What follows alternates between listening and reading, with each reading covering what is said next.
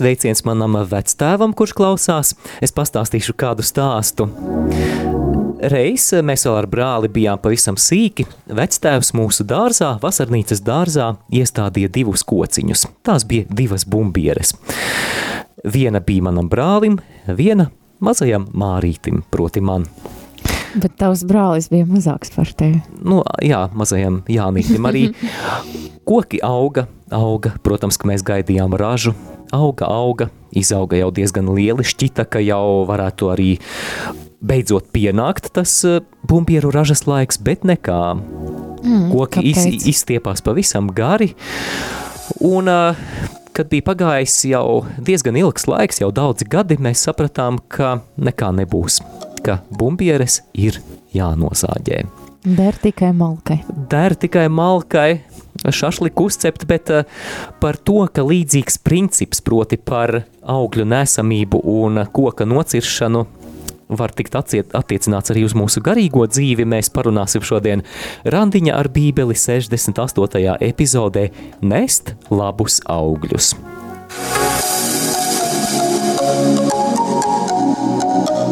Skan randiņš ar bībeli. Dieva tēva un dēla un svētā gara vārdā Āmen. Dievs, mēs tevi ļoti, ļoti mīlam, un mēs ticam, ka tu mūs mīli un esi devis mums savu vārdu. Kungs, mīlestībā mēs vēlamies tevi vairāk iepazīt, iepazīt tavas domas, tavu gudrību, un mēs vēlamies, lai tavs vārds kļūst par mūsu dzīves pamatu. Tāpēc Tēvs Jēzus Kristus vārdā sūti tagad savu svēto garu raidījuma ievadā, sūti pie ikviena klausītāja. Svētais gars mēs lūdzam, esi tu mūsu Dieva vārda skolotājs Jēzus Kristus vārdā. Āmen. Āmen. Svētais Matei, Lūdz par mums.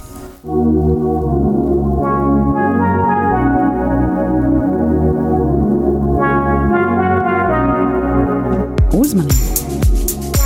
Raidījums! Vedot klausītāju pa Bībeles dzīļu, aizraujošajiem līkločiem, kur iespējams vēl nekad nav būts, var izraisīt nopietnu atkarību no privāta randiņa ar svētajiem rakstiem ikdienā.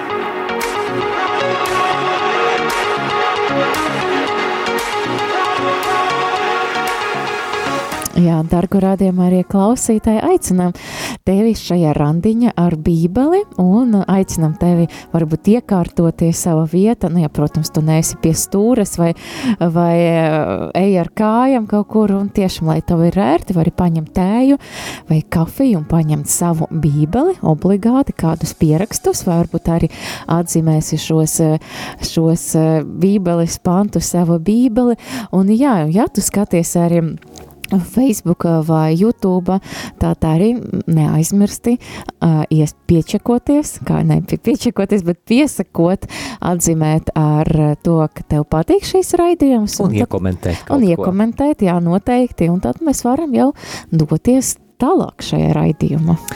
Atveram Bībelē Mateja evaņģēlija 21. nodaļu. Mēs turpināsim šo nodaļu padziļināti studēt, sākot no 17. panta un šodien līdz pat 32. pantam. Mums būs eh, trīs daļas vai trīs segmenti. Pirmais būs vīģes koka nolādēšana, vēlāk um, augstie priesteri iztaujā Jēzu par viņa autoritāti un visbeidzot līdzība par diviem dēliem, bet tagad par visu pēc kārtas. Sākam lasīt par notikumu ar neauglīgo vīģes koku. Lasām no 17. līdz 19. pantam. Un viņš atstāja tos un aizgāja no pilsētas uz Betāniju un palika tur pa nakti.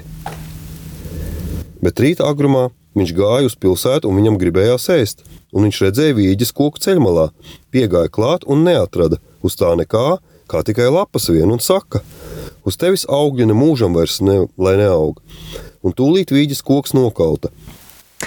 Mēs dzirdējām, ka Jēzus ir pārnakšņojis Betānijā un dodas rīt agrumā uz Jeruzalemi. Mazliet ekskursija geogrāfijā svētajā zemē. Betānija atradās apmēram 3 km gājiena attālumā no Jeruzalemes pāri Olīvu kalnam, Olīvu kalna dienvidu austrumu nogāzē. Interesanti, ka šobrīd šī pilsētiņa atrodas Palestīnā un to pazīst ar nosaukumu Al-Eizarija, kas no arābu valodas nozīmē lācara vieta. jo mēs atcerēsimies, ka Betānijā dzīvoja Jēzus labie draugi. Lācars, ko viņš uzmodināja no mirušajiem, un Lācara māsas Marta un Marija. Kā jau minēju, tad uh, tikai 3 km gājiens, manuprāt, kādās 40 minūtēs. Noteikti, jā, varētu. jā, un Jēzum gribas ēst, acīm redzot, pie Martas un Marijas šoreiz viņš nepaēda brokastis. Iespējams, mēs ar humoru varētu teikt, ka Marta, Marta ļoti nopietni ir ņēmusi Jēzus ieteikumu Lūkas evaņģēlija desmitajā nodaļā Marta, Marta, viena lieta tev ir nepieciešama. Jā, bet, nu, jebkurā gadījumā Jēzus vēlas pabrokastot, un tad viņš skatās, kas ir apkārt pieejams, un ierauga vīģes koku. Vīģes kokam ir lapas un izskatās daudzsološi, bet pienākot klāt, viņš konstatē, ka vīģu tur nav gluži kā tajās bumbierēs, par kurām es ievadā teicu, ka tur nebija nekādu augļu. Un, Mā, jā, jā Mārija zina, ka tev arī garšo vīgas, tur laikam arī tāds o, būtu sagaidījis no vīgas, ka vīgas koka, ka tur augtu tomēr vīgas. Protams. es atceros, kad mēs izvēlējāmies ar Māri kādus naškis paņemt Māris. Vīgas, vīgas, vīgas. jā, ļoti, ļoti patīk vīgas. Jēzum acīm redzot arī patika vīgas, bet no viņš šo koku nolāt. Viņš saka, uz tevis augļi nemūžam vairs neaug. Jā, mēs varam iedomāties, ka Jēzus uh, vienkārši sadusmojas, jā, tad viņš sagaidīja no vīgas uh, koka, ka tur augs, uh, augs vīgas, un es atceros, Māri, mums arī bija kāda situācija, tad taisot remontu, mēs iebraucam kādā būvniecības veikala un sagaidījām, ka tur būs, es jau neatceros, kas konkrēti, un mēs tur neatradam, mums bija šoks, ka tur nebija, jo mēs sagaidījām. Jā. Un varbūt mūsu dzīve, piemēram, ir kaut kāds līdzīga situācija, kad mēs sagaidām kaut ko un mūs ir, varbūt pat mēs esam jūtamies kaut kā aizskaist, aizskaitināti, ka šī lieta nesniedz mums to, to lietu, ko mēs gribam no tā sagaidīt. Vai printeris, piemēram, neprintē, man liekas, daudziem ofisa darbiniekiem oh, jā. zi, zināmā šī problēma, vai? Pamatīgi uzsist tā gribās. Man liekas arī kaut kā, kad nebija tie plakani televīzori, bet bija tie resnie televīzori, kā tur eh, salabot televizoru uzsist. Jā, tā jau bija efektīva metode. tā bija efektīva metode, un tiešām dažreiz televizors strāda. Mēs varam padomāt, Jēzus paliek tāds dusmīgs un uh, arī kaut kā rīkojas varbūt impulsīvi, jā, tad, nu, vīgi, tad tev nebūs tāds strādāt, ja tu ja nebūs ražot tas, tos augļus, ja tu tā dari ar mani.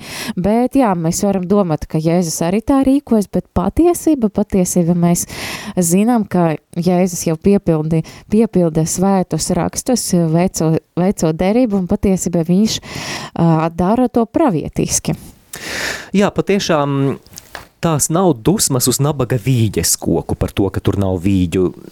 Jēzus noteikti ir gatavs kaut kur citur pabrokastot. Tā nav tā problēma. Tas drīzāk ir simbolisks un pravietisks žests, ko Jēzus šeit īsteno, jo, ja mēs lasām veco derību, mēs varam ievērot, ka vecajā derībā vīģes kokam bija ļoti simboliska nozīme. Un ir vairākas rakstu vietas, kurās vīģes koks bija simbols tiem cilvēkiem dieva tautā, kur ir nepaklausīgi, kur ir nocietināti un kur ir grēcīgi. Un es vēlos vienu no piemēriem minēt, ir daudz vairāk, bet piemērs, kuru es vēlos nolasīt, ir no pravieša Jeremija grāmatas astotās nodaļas, tad, ja kāds seko līdz bībelē, tad arī varat vai nu pierakstīt maliņā, vai arī atvērt Jeremijas astoto nodaļu un lasīšu no desmitā panta. Jo tie visi, mazi un lieli, ir mantaskāri. No pravieša līdz priesterim tie visi nododas meliem un krāpšanai. Tie grib pavirši dziedināt manas tautas meitas dziļo brūci un saka, miers, miers, kur taču miera nav. Viņiem būs jāpaliek kaunā, jo tie darījuši nelietību. Tomēr tie nebūtu nekaunas un nosarkt viņi vairs nemāk. Tādēļ tie kritīs, kad notiks krišana. Laikā, kad es tos saukšu pie atbildības, tie kritīs, tā saka tas kungs. Es viņus savākt savākšu, saka tas kungs – un tālāk uzmanīgi. Vīnogas nepaliks pie vīna koka, nec vīģes pie vīģes koka.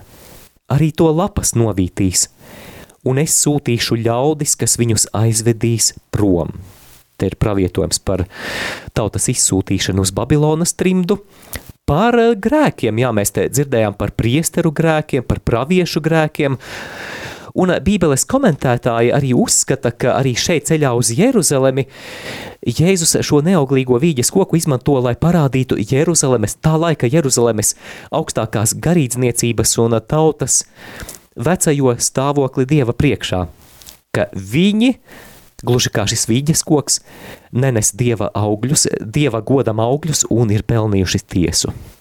Jā, un mēs, ja mēs atceramies arī uh, Matējā, tad uh, 21. nodaļas iepriekšējos pantus, par ko mēs bijām runājuši iepriekš, ja, tad uh, mēs lasījām par to, ka Jēzus bija iegājis Jeruzalemes templī, un viņš tādu nelielu tādu tīrīšanu veica, pēdiņas tīrīšanu, jā, tad viņš apgaisa galdus, izzina arī uh, tirgotājus, un viņš pārmet, jā, ka templis ir padarīts par laupītāju bedri, ka tas bija domāts uh, būt par lūkšanu nām, un tad viņš pārmet arī, tad tāda veida viņš pārmet tā, tā tajā laika reliģiozai sistēmai, arī tempļa, uh, tempļa nu, uzturētājiem, priesteriem, jā, tā, kas tur kalpo.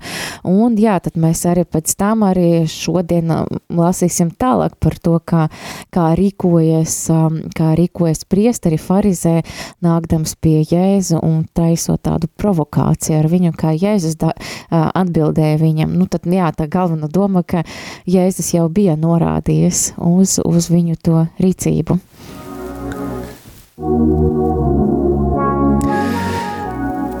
Iespējams, arī daudz radio klausītāji, kur ir devušies vismaz reizi mūžā svētceļojumā uz Jeruzalemi, ir apmeklējuši Olīvu kalnu. Arī man ir bijusi tā lielā svētība un žēlastība. Un atceros, pastaigājoties pa Olīvu kalnu, es atradu nogāzē baznīcu ar nosaukumu latīniski Dominus Flevit, jeb kungs raudāja. Varbūt arī kāds no klausītājiem tur ir bijis. Ko nozīmē kungs raudāja? Tā ir atsauce uz Lūkas evaņģēlija 13. nodaļas fragmentu. Es eh, lasīšu no 34. panta. Jeruzaleme, Jeruzaleme, tu, kas nokauj praviešus un akmeņiem nomātā, nomētā tos, kas pie tevis sūtīti. Cik reižu es esmu gribējis tavus bērnus pulcināt ap sevi, kā vista pulcina zem spārniem savus cālīšus, bet jūs negribējāt. Redziet, jūsu nams būs atstāts. Un es jums saku, jūs mani neredzēsiet, tiekams nāks diena, kad jūs sacīsiet, svētīts, kas nāk tā kunga vārdā. Interesanti, ka šajā baznīcā Dominus Flevit, jeb kungs raudāja, aiz altāra ir stikla loks, un pa šo logu ir redzama Jeruzaleme, Jeruzalemes vecpilsēta un Jeruzalemes tempļa kalns, ko vērojot Jēzus tad raud par Jeruzalemes likteni un par pagrimumu. Un tad, ja jau arī šis ceļš no Betānijas uz Jeruzalemi, kuru tagad no rīta Jēzus mēro ar saviem draugiem, vet arī pāri Olīvu kalnam. Mm. No šī Olīvu kalna ir labi redzama Jeruzaleme un tās templis. Tie, kas ir tur bijuši, zina, par ko es runāju. Tas tempļa kalns šobrīd tur ir mošeja gan augšā. Un Un tā ir pravietiska, šī pravietiskā zīme ar vīģes koku ir it kā Jēzus komentārs par šīs priekšā redzamās pilsētas neauglīgo garīgo stāvokli.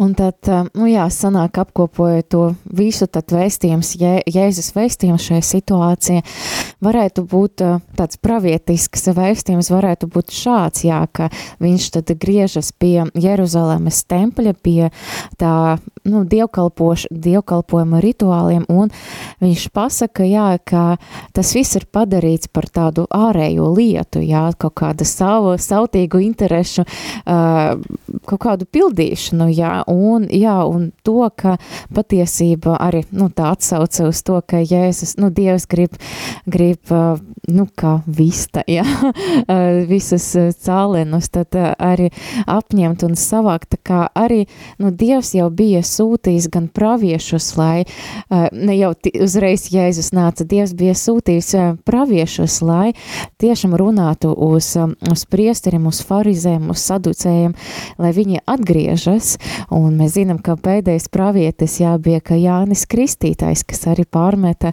pārmeta farizēm diezgan ļoti asi, jā, un arī, kad nāk mesie, kad nāk Dieva dēls, tad viņi arī ir nocietināti, un jā, viņš nosauc viņu, viņus tā kā, kā to, par, par to neauglību, neauglīgu vīges koku, un tāpēc viņi arī neizbēgs no Dieva, kā, no Dieva soda, kas arī tuvojas, un jā, es jau pieminēju par Jāni Kristītāju, kad, piemēram, farizēja nāca pie viņa, tad viņš bija diezgan skarbs pret viņam, tā ļoti... Jā, samēle viņam bija. Jā, viņš neizvēlējis, man liekas, vārdus, jā, un viņš arī teica par viņiem, man liekas, kaut ko ļoti līdzīgu, jā, Un tad es to izlasīšu no Māteja evangēlija trešas nodaļas, no trešas nodaļas no 7.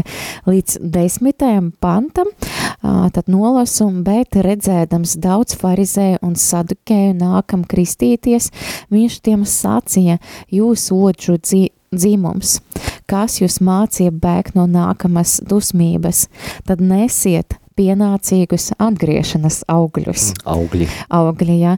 Un neiedomājieties sacīt, mums ir Abrahams par tēvu, jo es jums saku, Dievs no šiem akmeņiem var vai rādīt Abrahamam bērnus, bet cirvis kokiem jau pie saknes pielikts, un ik viens koks, kas nenesīs labus augļus, top nocirs un iemests ugunī.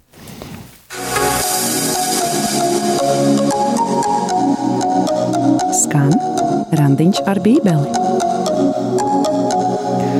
Šajā brīdī pakavēsimies pārdomās par to, kā nu pat jau lasītais un dzirdētais attiecas uz mūsu dzīvi. Un es domāju, ka uz mums tas attiecas, nu, mēs varam, protams, lasīt to, ka, jā, tur Jēzus pārmet augstajiem priesteriem, farizējiem un kā to tikai, vēl. jā, to, to vēsturisko dimensiju redzēt, bet patiesībā Dieva vārds vienmēr, vienmēr ir pielietojams arī mūsu dzīvē. Jā, mēs varam paskatīties uz savu dzīvi un arī pārdomāt, vai es nesu sava dzīve augļus, jā. Un, ja mēs lasam arī no Jāņa evangelē 15. nodaļas 8. panta, starp citu man arī šis Dieva vārds ir kā magnēts uz leduskāpja, jā. Tad ar to mans tēvs ir goda celts, ka jūs nesat daudz augļu un topat par maniem mācekļiem. Jā, un mēs esam kā domāti, ka jebkāds cits koks, ja piemēram vīgas koks domāts, lai nestu augļus, ja bumbi, uh, bumbieris arī ir domāts par to, ka domāts tām, lai viņš nestu augļus, tad patiesība mēs arī domāti, mēs esam, uh, Dievs mums dod pestīšanu, dod mums ticību ar tādu mērķi, ka mēs nestu tos augļus. Un, protams, svarīgs jautājums, Kas ir šie augļi? Protams, ka mēs runājam nevis par vīģiem, bet mēs runājam par augļiem garīgā nozīmē. Pirmkārt, pirmkārt, tie ir atgriešanās augļi. Tu jau, Olga, arī citēja no Mateja evaņģēlija trešās nodaļas, kur Jānis Kristītājs saka, nesiet pienācīgus atgriešanās augļus. Tātad nožēlot eh, savus grēkus un ar Dieva žēlastību arī mainīt savu dzīvi tā, lai tā beidzot sāk pagodināt Dievu. Jā, un mums dota visa, visi instrumenti, lai to darītu. Jā, mēs varam lūgt Dievu, lai Viņš atklāj mums mūsu grēkus. Mums arī dota grēku nožēlas arī sakraments, grēksūci, jā, kur Dievs mūs mazga no mūsu grēkiem, kur mūsu dvēseli attīra. Bet, nu, Jēzus asinis arī to ir darījušas, jā, tāpēc arī ņemsim dalību svētajā mise. Jā, bet arī cits, cits uh, auglis, ko tā varētu pateikt, arī ir labi darbi. Augļi arī ir labi darbi, arī ir augļi. Jā. Tad no, nolasīšu no Mateja 5. 5. nodaļas, 16. panta. Tāpat kā jūsu gaisma spīd ļaužu priekšā, ka tie ierauga jūsu labus darbus un goda jūsu tēvu, kas ir debesīs. Jā, tad mūsu labie darbi izpaužas kalpošana, izpa, izpaužas ar žēlsirdības darbiem, un kā nekā, tad mūsu ticība ir nedzīva, lai, ja mums nav to darbu, ka mēs neapliecinām ar saviem darbiem, tad to, ka mēs esam kristieši, un patiesība Dievs, arī kā Bībele ir teikts, katram no mums ir sagatavojis darīt tos labus darbus, tā kā, jā, meklējam savu aicinājumu, meklējam to, kur Dievs mums ir aicinājis darīt tos labus darbus, un jā, pagodinam Dievu ar to, lai mēs esam auglīgi. Laiks mūzikas pauzē, drīz būsim atpakaļ ēterā.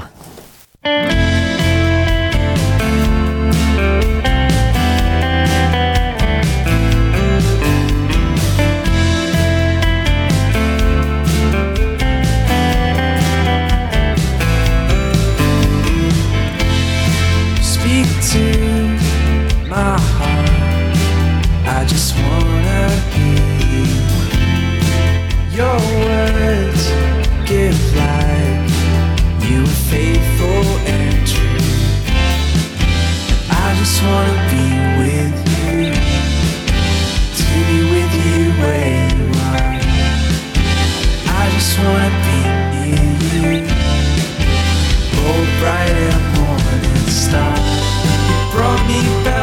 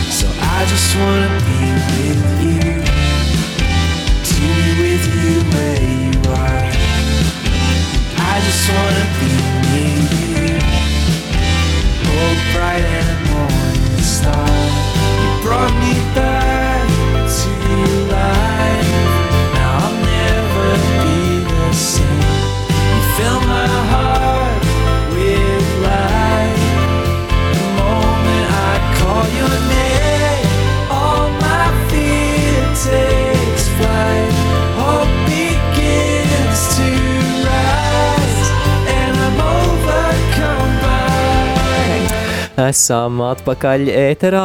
Māris Veliks un Olga Velika. Raidījumā Randiņš ar Bībeli.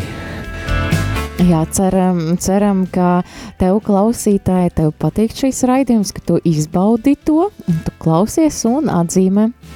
Jā, ja tas tā ir, un ja klausies šo vai skaties šo raidījumu sociālajos tīklos, no sirds būsim pateicīgi, ja padosiet tālāk vai ieliksiet tīkšķīti, ieliksiet kādu komentāru, tas, tas nav, nav kaut kāda mūsu, nezinu, slavai vai lapa tikai, bet tas ir, lai radio Marija misija varētu būt plašāka, jo mēs pagaidām neskanam visā Latvijā, un tad internets ir tā vide, kur mēs varam aizsniegt tos cilvēkus, kuri radioaparātu ikdienā vispār neieslēdz.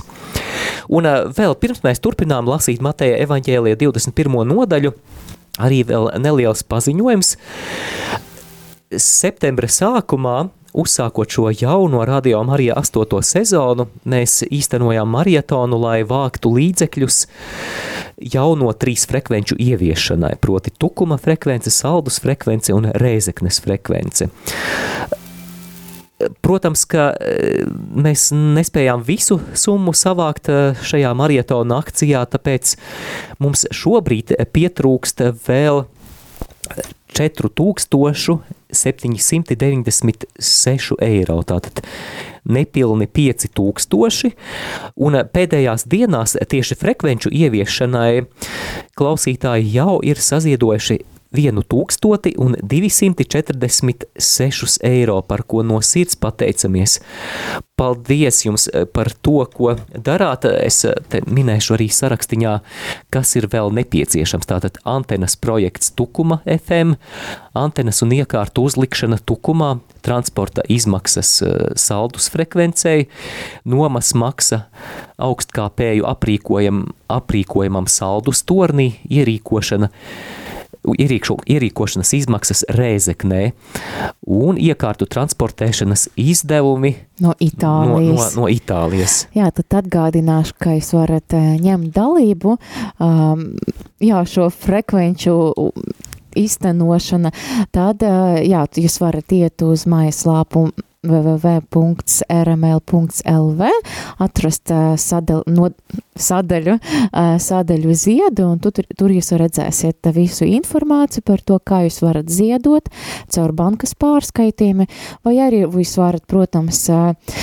ziedot arī baznīcas, kur ir rādījumā arī Latvija ziedojuma kastīte, un tad arī padodiet obligāti mums ziņu, ka jūs esat noziedojuši, lai mēs zinām šo informāciju, un arī jūs varat ziedot caur ziedojumu tālruni, kas ir 900 6769 900 6769.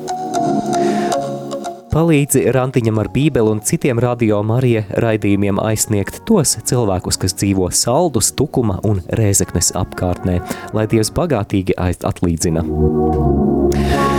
Bet uh, turpinām lasīt Mateja evaņģēlija 21. nodaļu, lasām 20. no 20. panta līdz 22. pantam. Un mācekļi to redzēdami brīnījās un sacīja, kā vīģes koks tik ātri nokauta.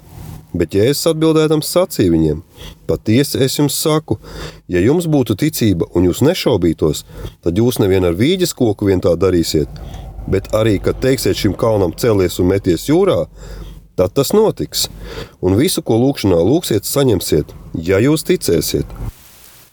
Jā, mēs redzam šeit, ka mācekļi ir pārsteigti, ka viņi ir patiesībā šokā, ka tā varēja vispār notikt. Jā, Jēzus pateica, un tas arī notika. Un jā, Jēzus izmanto šo izdevību, lai ne tikai pravietotu pār tā laika reliģisko sistēmu, un arī dot mums kādu mācību par to, ka mums jānes augļi sava dzīve, tad, jā, Jēzus izmanto arī šo izdevību, lai mācekļiem mācītu par ticības lomu un par lūkšanas lomu šajā, šajā lietā. Un mēs zinām, ka Jēzus jau daudz kur tiek viņš runā par eh, ticību, viņš, piemēram, uzslavē kādu, kāda sievietes ticība, kas pasaka, ak, sieviete ir liela, ir tava ticība, lai notiek tā, ka tu vēlies, jo viņa neatlaidīgi lūdza.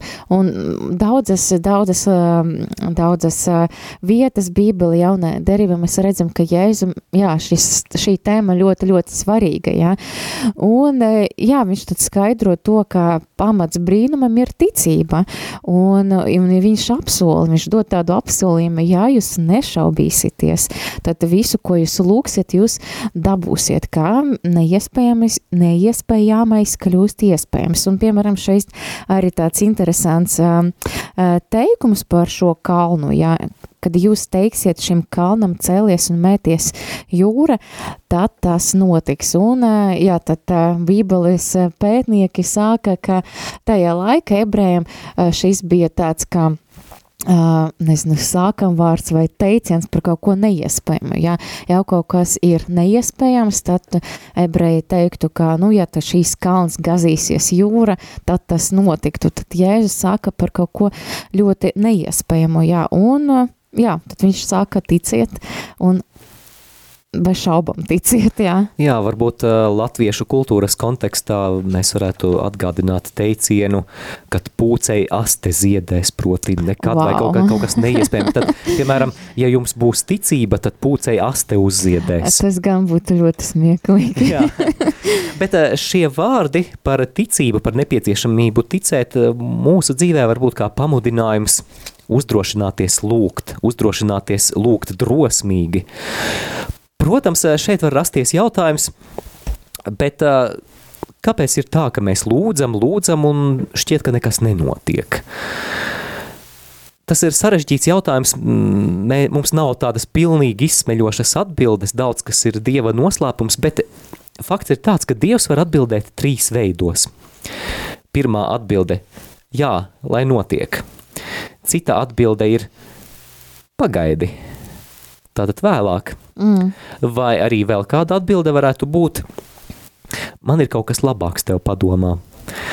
Piemēram, apustulis Pāvils, kā mēs lasām otrajā vēstulē korintiešiem 12. nodaļā, ja nemaldos, runā par to dzeloni, kas viņam bija miesā, un Pāvils saka tā, ka es trīs reizes Dievam lūdzu, lai viņš paņem to sātana dzeloni no manas miesas. Jā, savukārt par to pagaidi var minēt daudzas eh, vietas Bībele, kur, piemēram, Abrahamam Sārai Dievs apsolīja pēcnacē, bet, nu, bija ilgi jāpagaida. es jā. domāju, jā, tas ir bija tas apsolījums, ko Dievs teica, bet bija jāgaida, un arī tas pats arī ar, ar citam vietam, jā. arī, piemēram. Un Pāvils, jā, es nepabeidzu to domu, ka Pāvils Dieva atbildi saņem pavisam citādāku nekā viņš ir plānojis. Dievs saka, tev pietiek ar manu žēlas mīlestību. Rekā. Jā, tad, tad Jēzus mūs māca šajā vietā, ka patiesība ticība ir nosacījums brīnumam. Kadreiz atceros biju rekolekcijas, ko vadīja Jāzeps Bastēns par, es neatceros, par ko tas bija, jā, bet, hmm, jā, bet man bija kāds, kāda atklāsme patiesība, man vienkārši, tas bija pirms vairākiem gadiem, un man vienkārši kājām gaisa apgāzas mana, mana oh. Dzīve, tas bija priekš manis revolucionāri, jo nu, viņš nu, teica, viņš teica, ka patiesība Dieva vārds, kas ir Bībele rakstīt, tas ir Dieva apsolījums. Tas ir tas, ko Dievs ir apsolījis.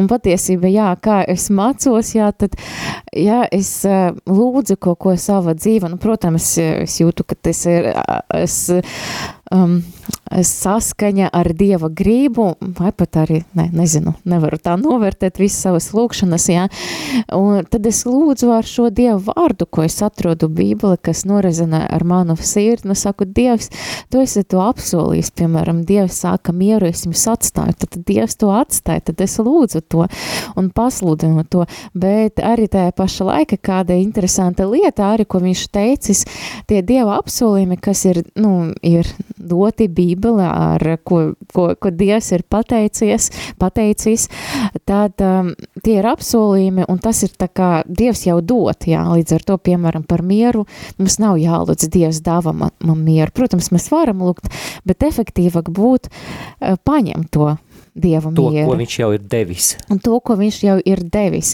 Un kā mēs to paņēmam, nu, piemēram, ja tev atnāk kāds dzimšanas dienu un iedot kasti, dāvanu, jā, tad tu paņem to ar rokam. Un ticība, tic, tic, uh, un garīgai dzīve, jā, kas ir tās rokas, ar ko tu paņem, tā, tā, tā ir ticība, jā.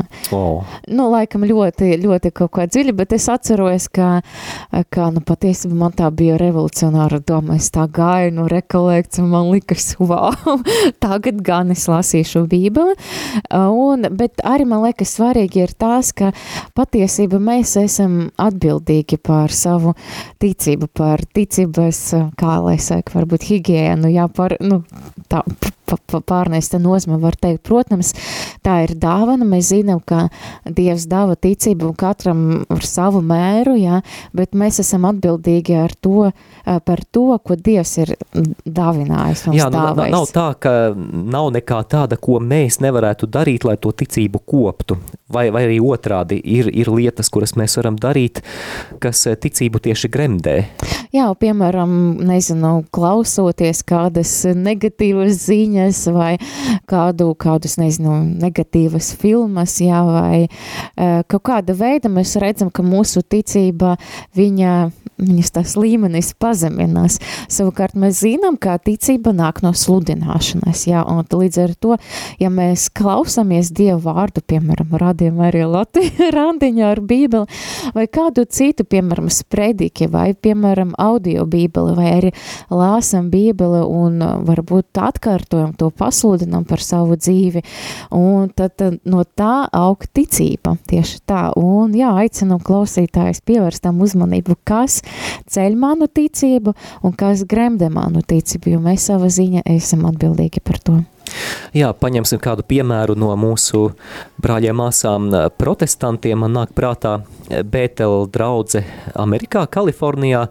Cik es zinu, tad viņiem ir tās līderu tikšanās, tās kopsapulces, kuras viņi mēdz iesākt ar dalīšanos par to, ko Dievs viņu dzīvē ir darījis, kādi ir tie dieva piedzīvotie brīnumi un kāpēc tas ir nepieciešams, lai celtu to ticības atmosfēru viens otram.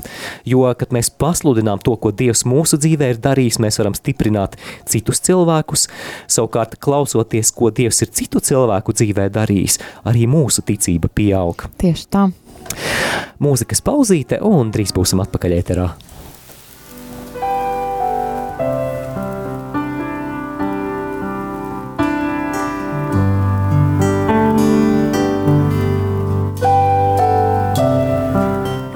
Ejot ar mūriem šiem, kas ir visapkārt man. Jēzu, tu mani nepievilci.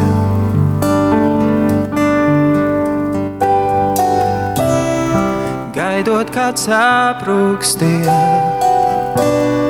zinu, tu visvarens. Jēzu, tu mani.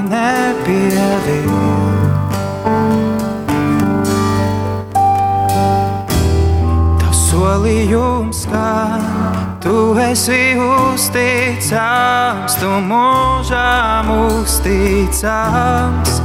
Rokās tavās esmu es drošībā, tu nepievīli nekad.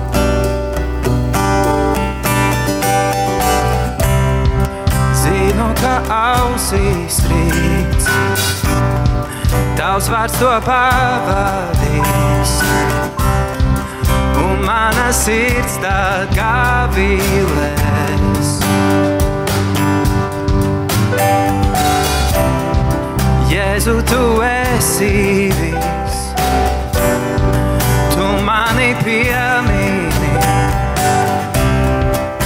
mana sirds tad kā vīlē.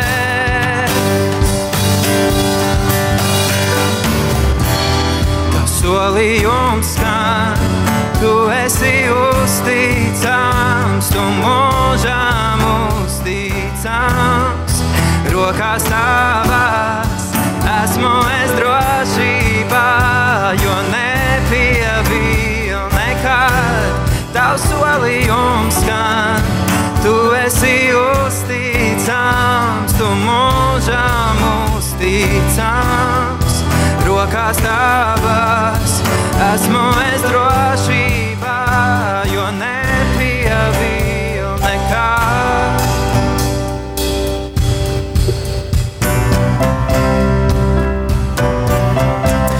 Ranniņš ar bībeli, Māris un Olga Veliki šeit Radio Marijas studijā. Turpinām studēt Mateja evaņģēlija 21. nodaļu. Padalies ar šo raidījumu, ja klausies un skaties mūsu sociālajos tīklos, bet uh, interesanti, laiks ātri skrien un mēs vēl tikai ātri. dažus pantus esam izskatījuši. Steidzam uz priekšu. Tātad nākamā epizode no 23. panta. Tātad Jēzus jau ir nonācis no Betānijas Jeruzalemē, un tur notiks kāda situācija, kāda saruna, kas, manuprāt, labi ilustrēs to, kas tad īsti ir tā attieksme, ko parāda neauglīgais vīģes koks. Tātad ierodas augstie priesteri, un tautas vecajie jau skaidrs, ka kaut kāda konfrontācija būs, un viņi vēlas Jēzu iedzīt stūrī. Lūk viņu provokācija. Lasām 23. pantu.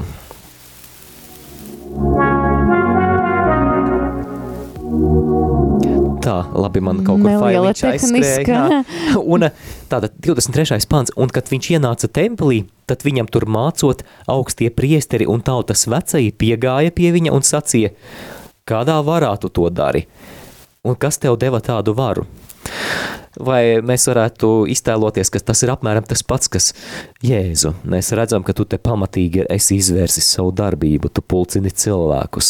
Dziedini. Ar, jā, dziedini cilvēkus, tu sludini ar kādu parādi tevi um, te uz ēzelīša ieveda palmas, palmu zarus meta tev priekšā. Tev ir uz to tiesības? Uz ēzeli. Uz, uz, uzrādi, jā, u- uzrādi dokumentus. Jā, varētu pateikt arī tā, nu, parādi tie cilvēki ir dziedināti, nu, parādi ārsta uh, izziņas par mm. to ar, ar rentgēnu, ka ties cilvēks tiešām bija, tiešām bija uh, nes, dziedināts, jā. jā, tiešām bija slims pirms tevis, jā, tad viņi uztaisa tādu provokāciju un viņi mēģina ar to arī Jēzu tā kā pieķert pie vārda, ja vi, Jēzus pasaka, ka viņš dara to uh, ar cilvēcisko spēku, jā, tad, uh, tad tas nozīmē, labi, es jau paskrēju tālāk, jā, labi, ne? jā, tad, ja viņš pasaka, Jēzus, Jēzus pasaka, ka viņš dara to kā Dievs, kā ar dievišķo vāru, tad viņi varētu viņu pieķert pie, pie zaimošanas. Jā, mēs zinām arī patiesība, ka tā galvenā apsūdzība arī pret Jēzu bija tā, ja, ka viņš bija zaimotais, jā, ka Jēzus pats uh, pateica, jā, ka viņš ir Dieva dēls, un, bet Jēzus ir, ir gudrs, jā, viņš um, atbild ar gudru pretjautājumu, kas iedzina viņus um, stūri. Bet Jēzus atbildēja un sacīja viņiem: Arī es jautāšu jums vienu lietu, un ja jūs man teiksiet, tad arī es sacīšu jums, kā varā es to daru. No kurienes bija Jāņa Kristība? Vai no debesīm, vai no cilvēkiem? Tie apspriedās savā starpā sacīdami: Ja mēs teiksim no debesīm, tad viņš sacīs mums, kāpēc tad jūs viņam neticējāt. Ja mēs sakām no cilvēkiem, tad mums jābīst no ļaudīm, jo visi tur Jāni par pravieti. Un viņi atbildēja Jēzum un sacīja: Mēs nezinām. Tad viņš tiem sacīja: Tad arī es jums nesaku, kā varā es to daru. Jēzus augstajiem priesteriem piedāvā divus atbilžu variantus. Vai nu Jāņa kristība bija no cilvēkiem, vai tā bija no debesīm, jeb no dieva. Un tad no augstie priesteri savā starpā apspriežās un saprot, ka vai nu vienu vai otru variantu izvēloties, tas viņiem nenāk par labu, tas, tas nenāk par labu viņu reputācijai, tas viņiem nav izdevīgi. Viņi saka, ja teiksim, ka no dieva, tad Jēzus mums varēs pārmest to, nu tad kāpēc jūs viņam nepaklausījāt, kāpēc jūs viņam neticējāt? Labi, bet ja mēs teiksim, ka no cilvēkiem šausmas tā mums bail no tautas, viņi mūs nomētās ar akmeņiem, jo mēs esam, mēs zinām, esam veikuši socioloģisko aptauju un diemžēl tauta uzskata Jāni Kristītāju par pravieti. Tad nu viņi izvēlas neit, it kā neitrālu atbildes variantu, kas patiesībā ir tāda liekulība. Viņi izdomā variantu, lai glābtu savu seju. Mēs nezinām. Jā, līdz ar to Jēzus arī viņam pasaka, neatbildot uz viņu jautājumu, arī teica, ka tad es arī jums neteikšu. Jā, un tad Jēzus arī sur, turpina šo sarunu, un tad viņš viņam izstāsta kādu līdzību par diviem dēliem, un tad lasīsim no 28. līdz 30. pantam. Bet kā jums šķiet, kādam cilvēkam bija divi dēli? Viņš pie pirmā iedams sacīja: Dēls, ej un strādā šodien manā vīna kalnā. Un tas atbildēja un sacīja: Es negribu iet, bet vēlāk viņam kļuva žēl, un viņš aizgāja. Un piedams pie otrā dēla, viņš sacīja to pašu, bet tas atbild- atbildēdams sacīja: Es eju, kungs, bet neaizgāju. Jā, tad, tad ir situācija ar diviem dēliem. Tad tēvs str- sūta strādāt sava vīna dārza, un pirmais sāka tādu skaistu, jā, Dievs, es pildīšu, un, bet eh, viņš kaut kā varbūt uz brīdi iepriecināja tevi, bet patiesībā neizpildīja to pavēli, viņš neaizgāja. Un otrais teica, Dievs, es negribu, varbūt man negribas, Dievs, tur ir kārs, tur jāstrādā, un tas viss ir jāuztver, tas ir tik grūti, bet pēc tam viņš saprot, viņš nevar pievilt savu tevu, un viņš izdara, un viņš aiziet strādāt, un tālāk lasam. Kurš no šiem diviem ir darījis tēva prātu? Tie saka, pirmais. Jēzus viņam saka, patiesi es jums saku, ka muitnieki un netiklis drīzāk nāks Dieva valstībā nekā jūs. Jo Jānis nāca pie jums pa taisnības ceļu, bet jūs viņam neticējāt, bet muitnieki un netiklis viņam ticēja. Bet arī tad jūs to redzēdami neatgriezāties un viņam neticējāt. Jā, tad pareizi sākot, tad pirmais bija tas, kas aizgāja, jā. Jā. un otrais tas bija, kas neaizgāja. Jā, Jā, jāpaskatās, tad dažādos tulkojumos izrādās, ka atšķiras. Atšķiras tulkojumi, jā, tad izpildīja to, ko Dievs ir, Tēvs ir pavēlējis. Tas, kas teica sākuma nē, bet beigas arī bija aizgājis. Jā, pat ā, augstie priesteri un vecie to saprot. Viņi pat ā, ne, viņi sākumā nenojauš, ā, kur tad ir viņu, lieta, viņu vieta šajā līdzībā, un viņi piekrīt, ka izpildīja tēvu gribu tas dēls, kurš sākumā teica nē, nē, bet tomēr aizgāja uz dārzu. Tad Jēzus atklāja šīs līdzības nozīmi. To dēlu, kurš skaisti runāja, jā, jā, es iešu, bet netarīja, viņš saista ar šiem augstajiem priesteriem un tautas vecajiem. Tātad viņi spēja radīt dievbības ilūziju, viņu vārdi ir pareizi un skaisti, tomēr darbi apliecina kaut ko pretēju. Tātad viņi ir it kā vīģes koks ar skaistām lapām, bet, kad pienāc tuvāk, tu redzi, ka tur nav augļu. Nav atgriešanās augļu. Un arī nav labo darbu, kas arī ļoti svarīgi, mēs jau par to bijām runājuši. Un u, to otru dēlu, kurš sākuma prētojas, tēva griba, viņš negrib, mēs nezinām, kāda viņam bija tā situācija, ar ko Jēzus salīdzina, tad viņš pretojas, viņš negrib iet, bet viņš tomēr nožēlo to un iet uh, pildīt tēva tēva gribu, tad Jēzus saista šo, šos cilvēku, šo, šo dēlu ar greciniekiem, ar muitniekiem, ar, ar netīkliem, ar ko tik daudz Jēzus bija staigājis, mācījies, un viņi tiešām atgriezas. Viņi atgriezas gan dēļ Jēzus sludināšanas, gan arī uh, sākumā arī pirms Jēzus arī uh, dēļ Jāņa Kristītāja sludināšanas, un jā, varbūt no sākuma viņi bija tie, kas nepaklausīja Dievam, kas iekrita grēkos, kas eh, pārkāpa uh, baušļus, bet tad viņi atgriezas. Un, jā, Jēzus uh, salīdzināja, ka muitnieki un netiklis ir tie, kuri ir, varbūt ir sabiedrība norakstīti, viņi ir nožēlojami grēcinieki, bet izrādās, ka viņu tomēr var kļūt par vīkis koku ar potenciāliem augļiem, tie nest augļus, tie atgriežas.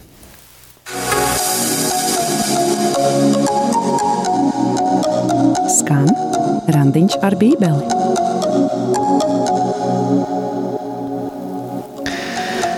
Ir laiks noslēgt. Laiks noslēgt, un, um, protams, ka mēs vienmēr meklējam atbildi uz jautājumu, kā nu pat lasītais vārds, kā nu pat dzirdētais vārds attiecas uz mūsu dzīvi. Ar ko mēs varētu iesākt? Jā, man liekas, ir svarīgi tas, ka mēs varam palūkoties uz savu dzīvi un pirmā, pirmām kārtām paskatīties, vai es patiesi esmu atgriezis, lai es nesu tos atgriešanas augļus, vai mana dzīve nevajag pārvērtēt uh, kaut ko un lai es atkal varētu uh, nest to atgriešanās auglī, lai es varētu būt uh, tīra sirdsapziņa Dieva priekša. Un, protams, ka Dievs, viņš jau ir gatavs piedot, viņš ir gatavs uh, atkal skriet mums un, un mesties uz kakla ar, ar prieku. Un jā, Dievs prieta, priecājas, ka grēcinieks nožēlo grēkus, jā, tāpēc nepalīksim arī kā farizēja ārēji pareizi, bet uh, savu sirdi nocietinot pret Dievu, pret Dievu svēto garu, kas varbūt runa uz mūsu sirdsapziņu, ka klau, kaut kas nav kārtība. Un varbūt arī paskatīties arī, vai mūsu darbi liecina par to, ka mēs esam kristieši, par to, ka mēs esam Dieva pamudināti uz labiem darbiem un paskatīties, vai mana dzīve ir auglīga, pilna ar labiem darbiem. Jā, tātad šis pirmais ir individuālais līmenis, kad mēs ielūkojamies savā sirdsapziņā un varbūt arī kādu no jums radio klausītāju svētais gars mudina, piemēram, šajā nedēļas nogalē aiziet pie izlīkšanas sakramenta. Jā, tā pamatīgi sagatavoties, pierakstot un jā, nesot Dievu priekšu, jo Dievam jau nav tādu grēku, ko viņš nevar piedot, bet man liekas arī svarīgi parunāt par to ticību, jā, par to ticības dāvanu arī novērtēt, ko es klausos, ko es skatos, vai es visu laiku sēžu Facebook un es laikam arī sev to kā uzdevumu uzlikšu, vai tas tomēr negremdē manu ticību? Un kas man jādara tomēr, lai man jaunu ticību celtu. Varbūt tev jāiet uz kādu pasākumu kristīgu, varbūt tev jāaiziet uz mīsa vai ir kādu kri slavēšanu. Jā, mums ir aktualitātes, mēs eh, stāstam, kas notiek, bet ielukojas tiešām ej tur, kur tava ticība būs celta kopā ar brāļiem un māsām, kur tu vari liecināt un dzirdēt liecības par Dieva mīlestību. Un vēl, mīļo klausītāji, vai tu baro savu ticību, lasot Bībeli, vai tev ir personiskais randiņš ar Bībeli? Šeit nepārprotiet, negribu nevienam neko pārmest vai justies vainīgiem, bet, bet mēs mēs bieži vien aizbildināmies, ka man nav laika lasīt Bībeli, bet, bet tik daudz laika, piemēram, sociālajos tīklos vai pie televizora pavadām. Kad, kad patiesībā mēs varējām pavadīt kvalitatīvu laiku kopā ar Jēzu, lasot viņa svēto vārdu. Bet uh, otrs līmenis, par ko mēs uh, varam parunāt, uz, uh, tātad, tāds plašāks, lielāks līmenis, uz ko attiecas arī nu pat dzirdētājs, manuprāt, ir saistīts ar jautājumu, kā ir ar augļu nešanu sabiedrības vai, vai visas baznīcas līmenī. Mēs aizpagājušajā nedēļā runājām par nepieciešamību lūgt par spēcīgu garīgu atmodu gan mūsu zemē Latvijā, gan baznīcā kopumā.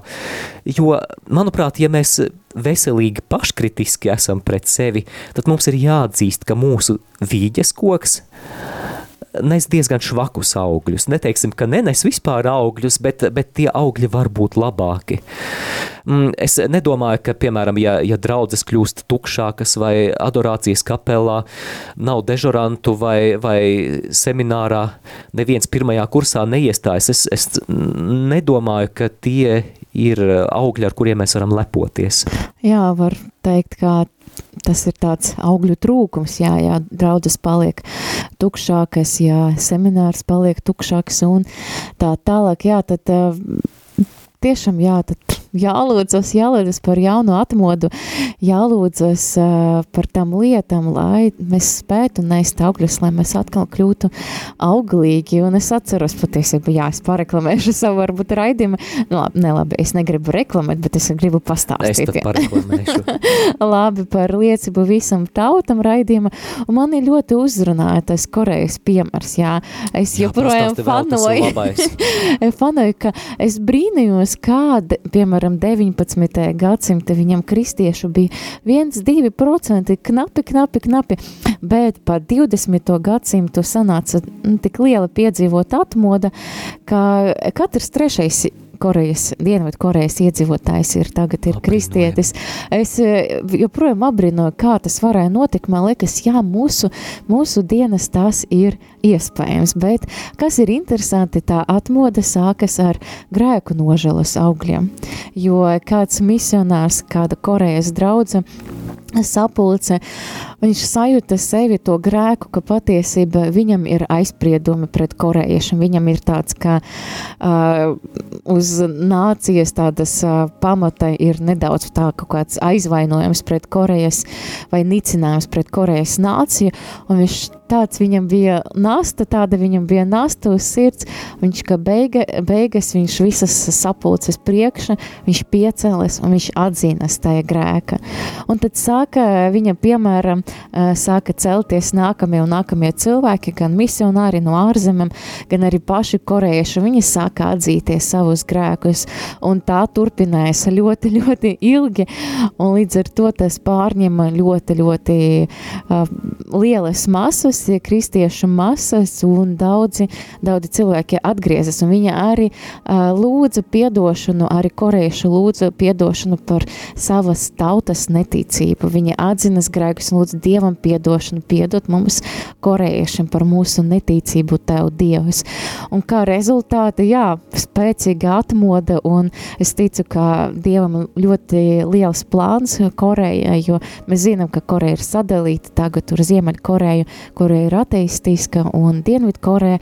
Un es ticu, ka Dieva plāna ir apvienot abas tautas, lai evaņģēlis arī tiek sludināts arī Ziemeļkorejā.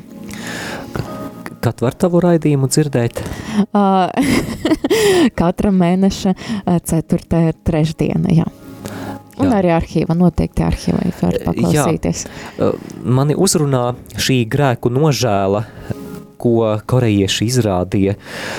Manuprāt, mums arī kaut kas tāds vajadzīgs. Gan, gan šeit, Latvijā, gan baznīcā kopumā. Manuprāt, mums ir jāzemojas Dieva priekšā. Un otra lieta, manuprāt, mums ir jātic, ka atmoda ir iespējama. Mums ir jātic, ka baznīca var būt dzīva. Mums ir jātic, ka Amen. ticība var būt dzīva. Mums ir jātic, ka ticība nav tikai veco paudžu lieta, bet ka tā ir tikpat aktuāla arī jauniešiem un ka viņi ir spējīgi nest ticības uguni. Mums tam ir jātic, jo Jēzus arī mums šajā rakstu vietā, ko mēs lasījām, mudināja ticēt. Ticiet, un jums nekas nebūs neiespējams. Mēs eh, iedomājieties, ja, ja ir simts cilvēku, simts cilvēku, piemēram, Latvijā, kuri, kuri tic garīgai atmodai un lūdz par to, tas ir ļoti labi, vai ne? Tas ir ļoti labi. Ja ir tūkstoši, tas ir vēl labāk. Noteikti. Savukārt, ja ar šo ideju, ar šo prioritāti lūgties par atmodu sabiedrībā, atmodu baznīcā ir pārņemti simtiem tūkstoši cilvēku, kāds tas spēks būtu? Noteikti Kāda ticība, brīnumi. jā, mm, jā, vienkārši, un jā, mums ir maz laika palicis līdz raidījuma beigām, bet, bet es vēlētos ļoti, lai mēs noslēgtu ar lūkšanu šo raid, jā, raidījumu. Protams. Un, un arī vēlamies to sēkliņu iesviest katrā sirsniņā, lai, lai šī lūkšanu nasta paliek ar ikvienu, ka lūdzamies ne tikai par savām lietām, kas, protams, ir svarīgi un vajadzīgs, bet lūdzamies globālāk, lūdzamies plašāk.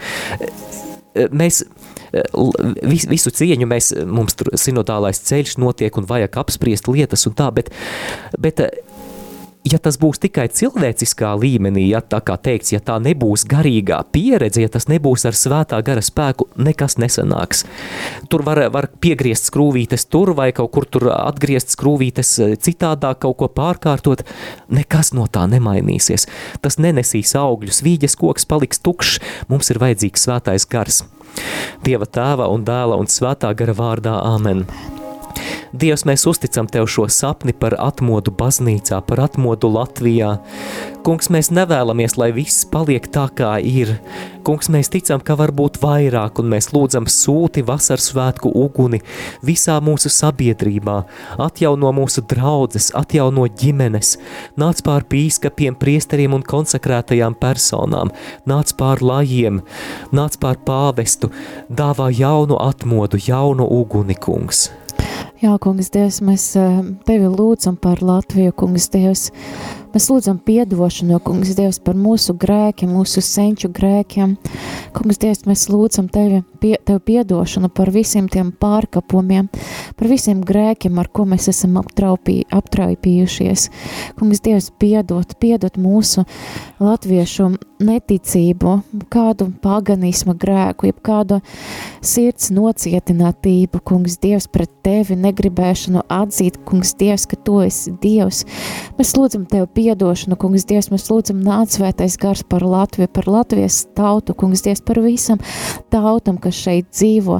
Kungs, Dievs, dāva, kungs, Dievs, savu pamudinājumu, atzīties, nožēlot savus grēkus, iera- ieraudzīt savu stāvokli un to, ka mēs nevaram bez tevis mainīties, kungs, Dievs. Palīdzies saukt uz tevi, Dievs, jo tu esi Dievs, kas glābi. Tu esi Jēzus Kristus, mēs tevi lūdzam tavu vārdā. Āmen! Jūs dzirdējāt raidījumu Randiņš ar Bībeli. Savas atsauksmes, ieteikumus un jautājumus sūtiet uz raidījuma e-pastu Randiņš ar Bībeli at gmail.com. Iepriekšējās raidījuma epizodes var atrast arhīvā.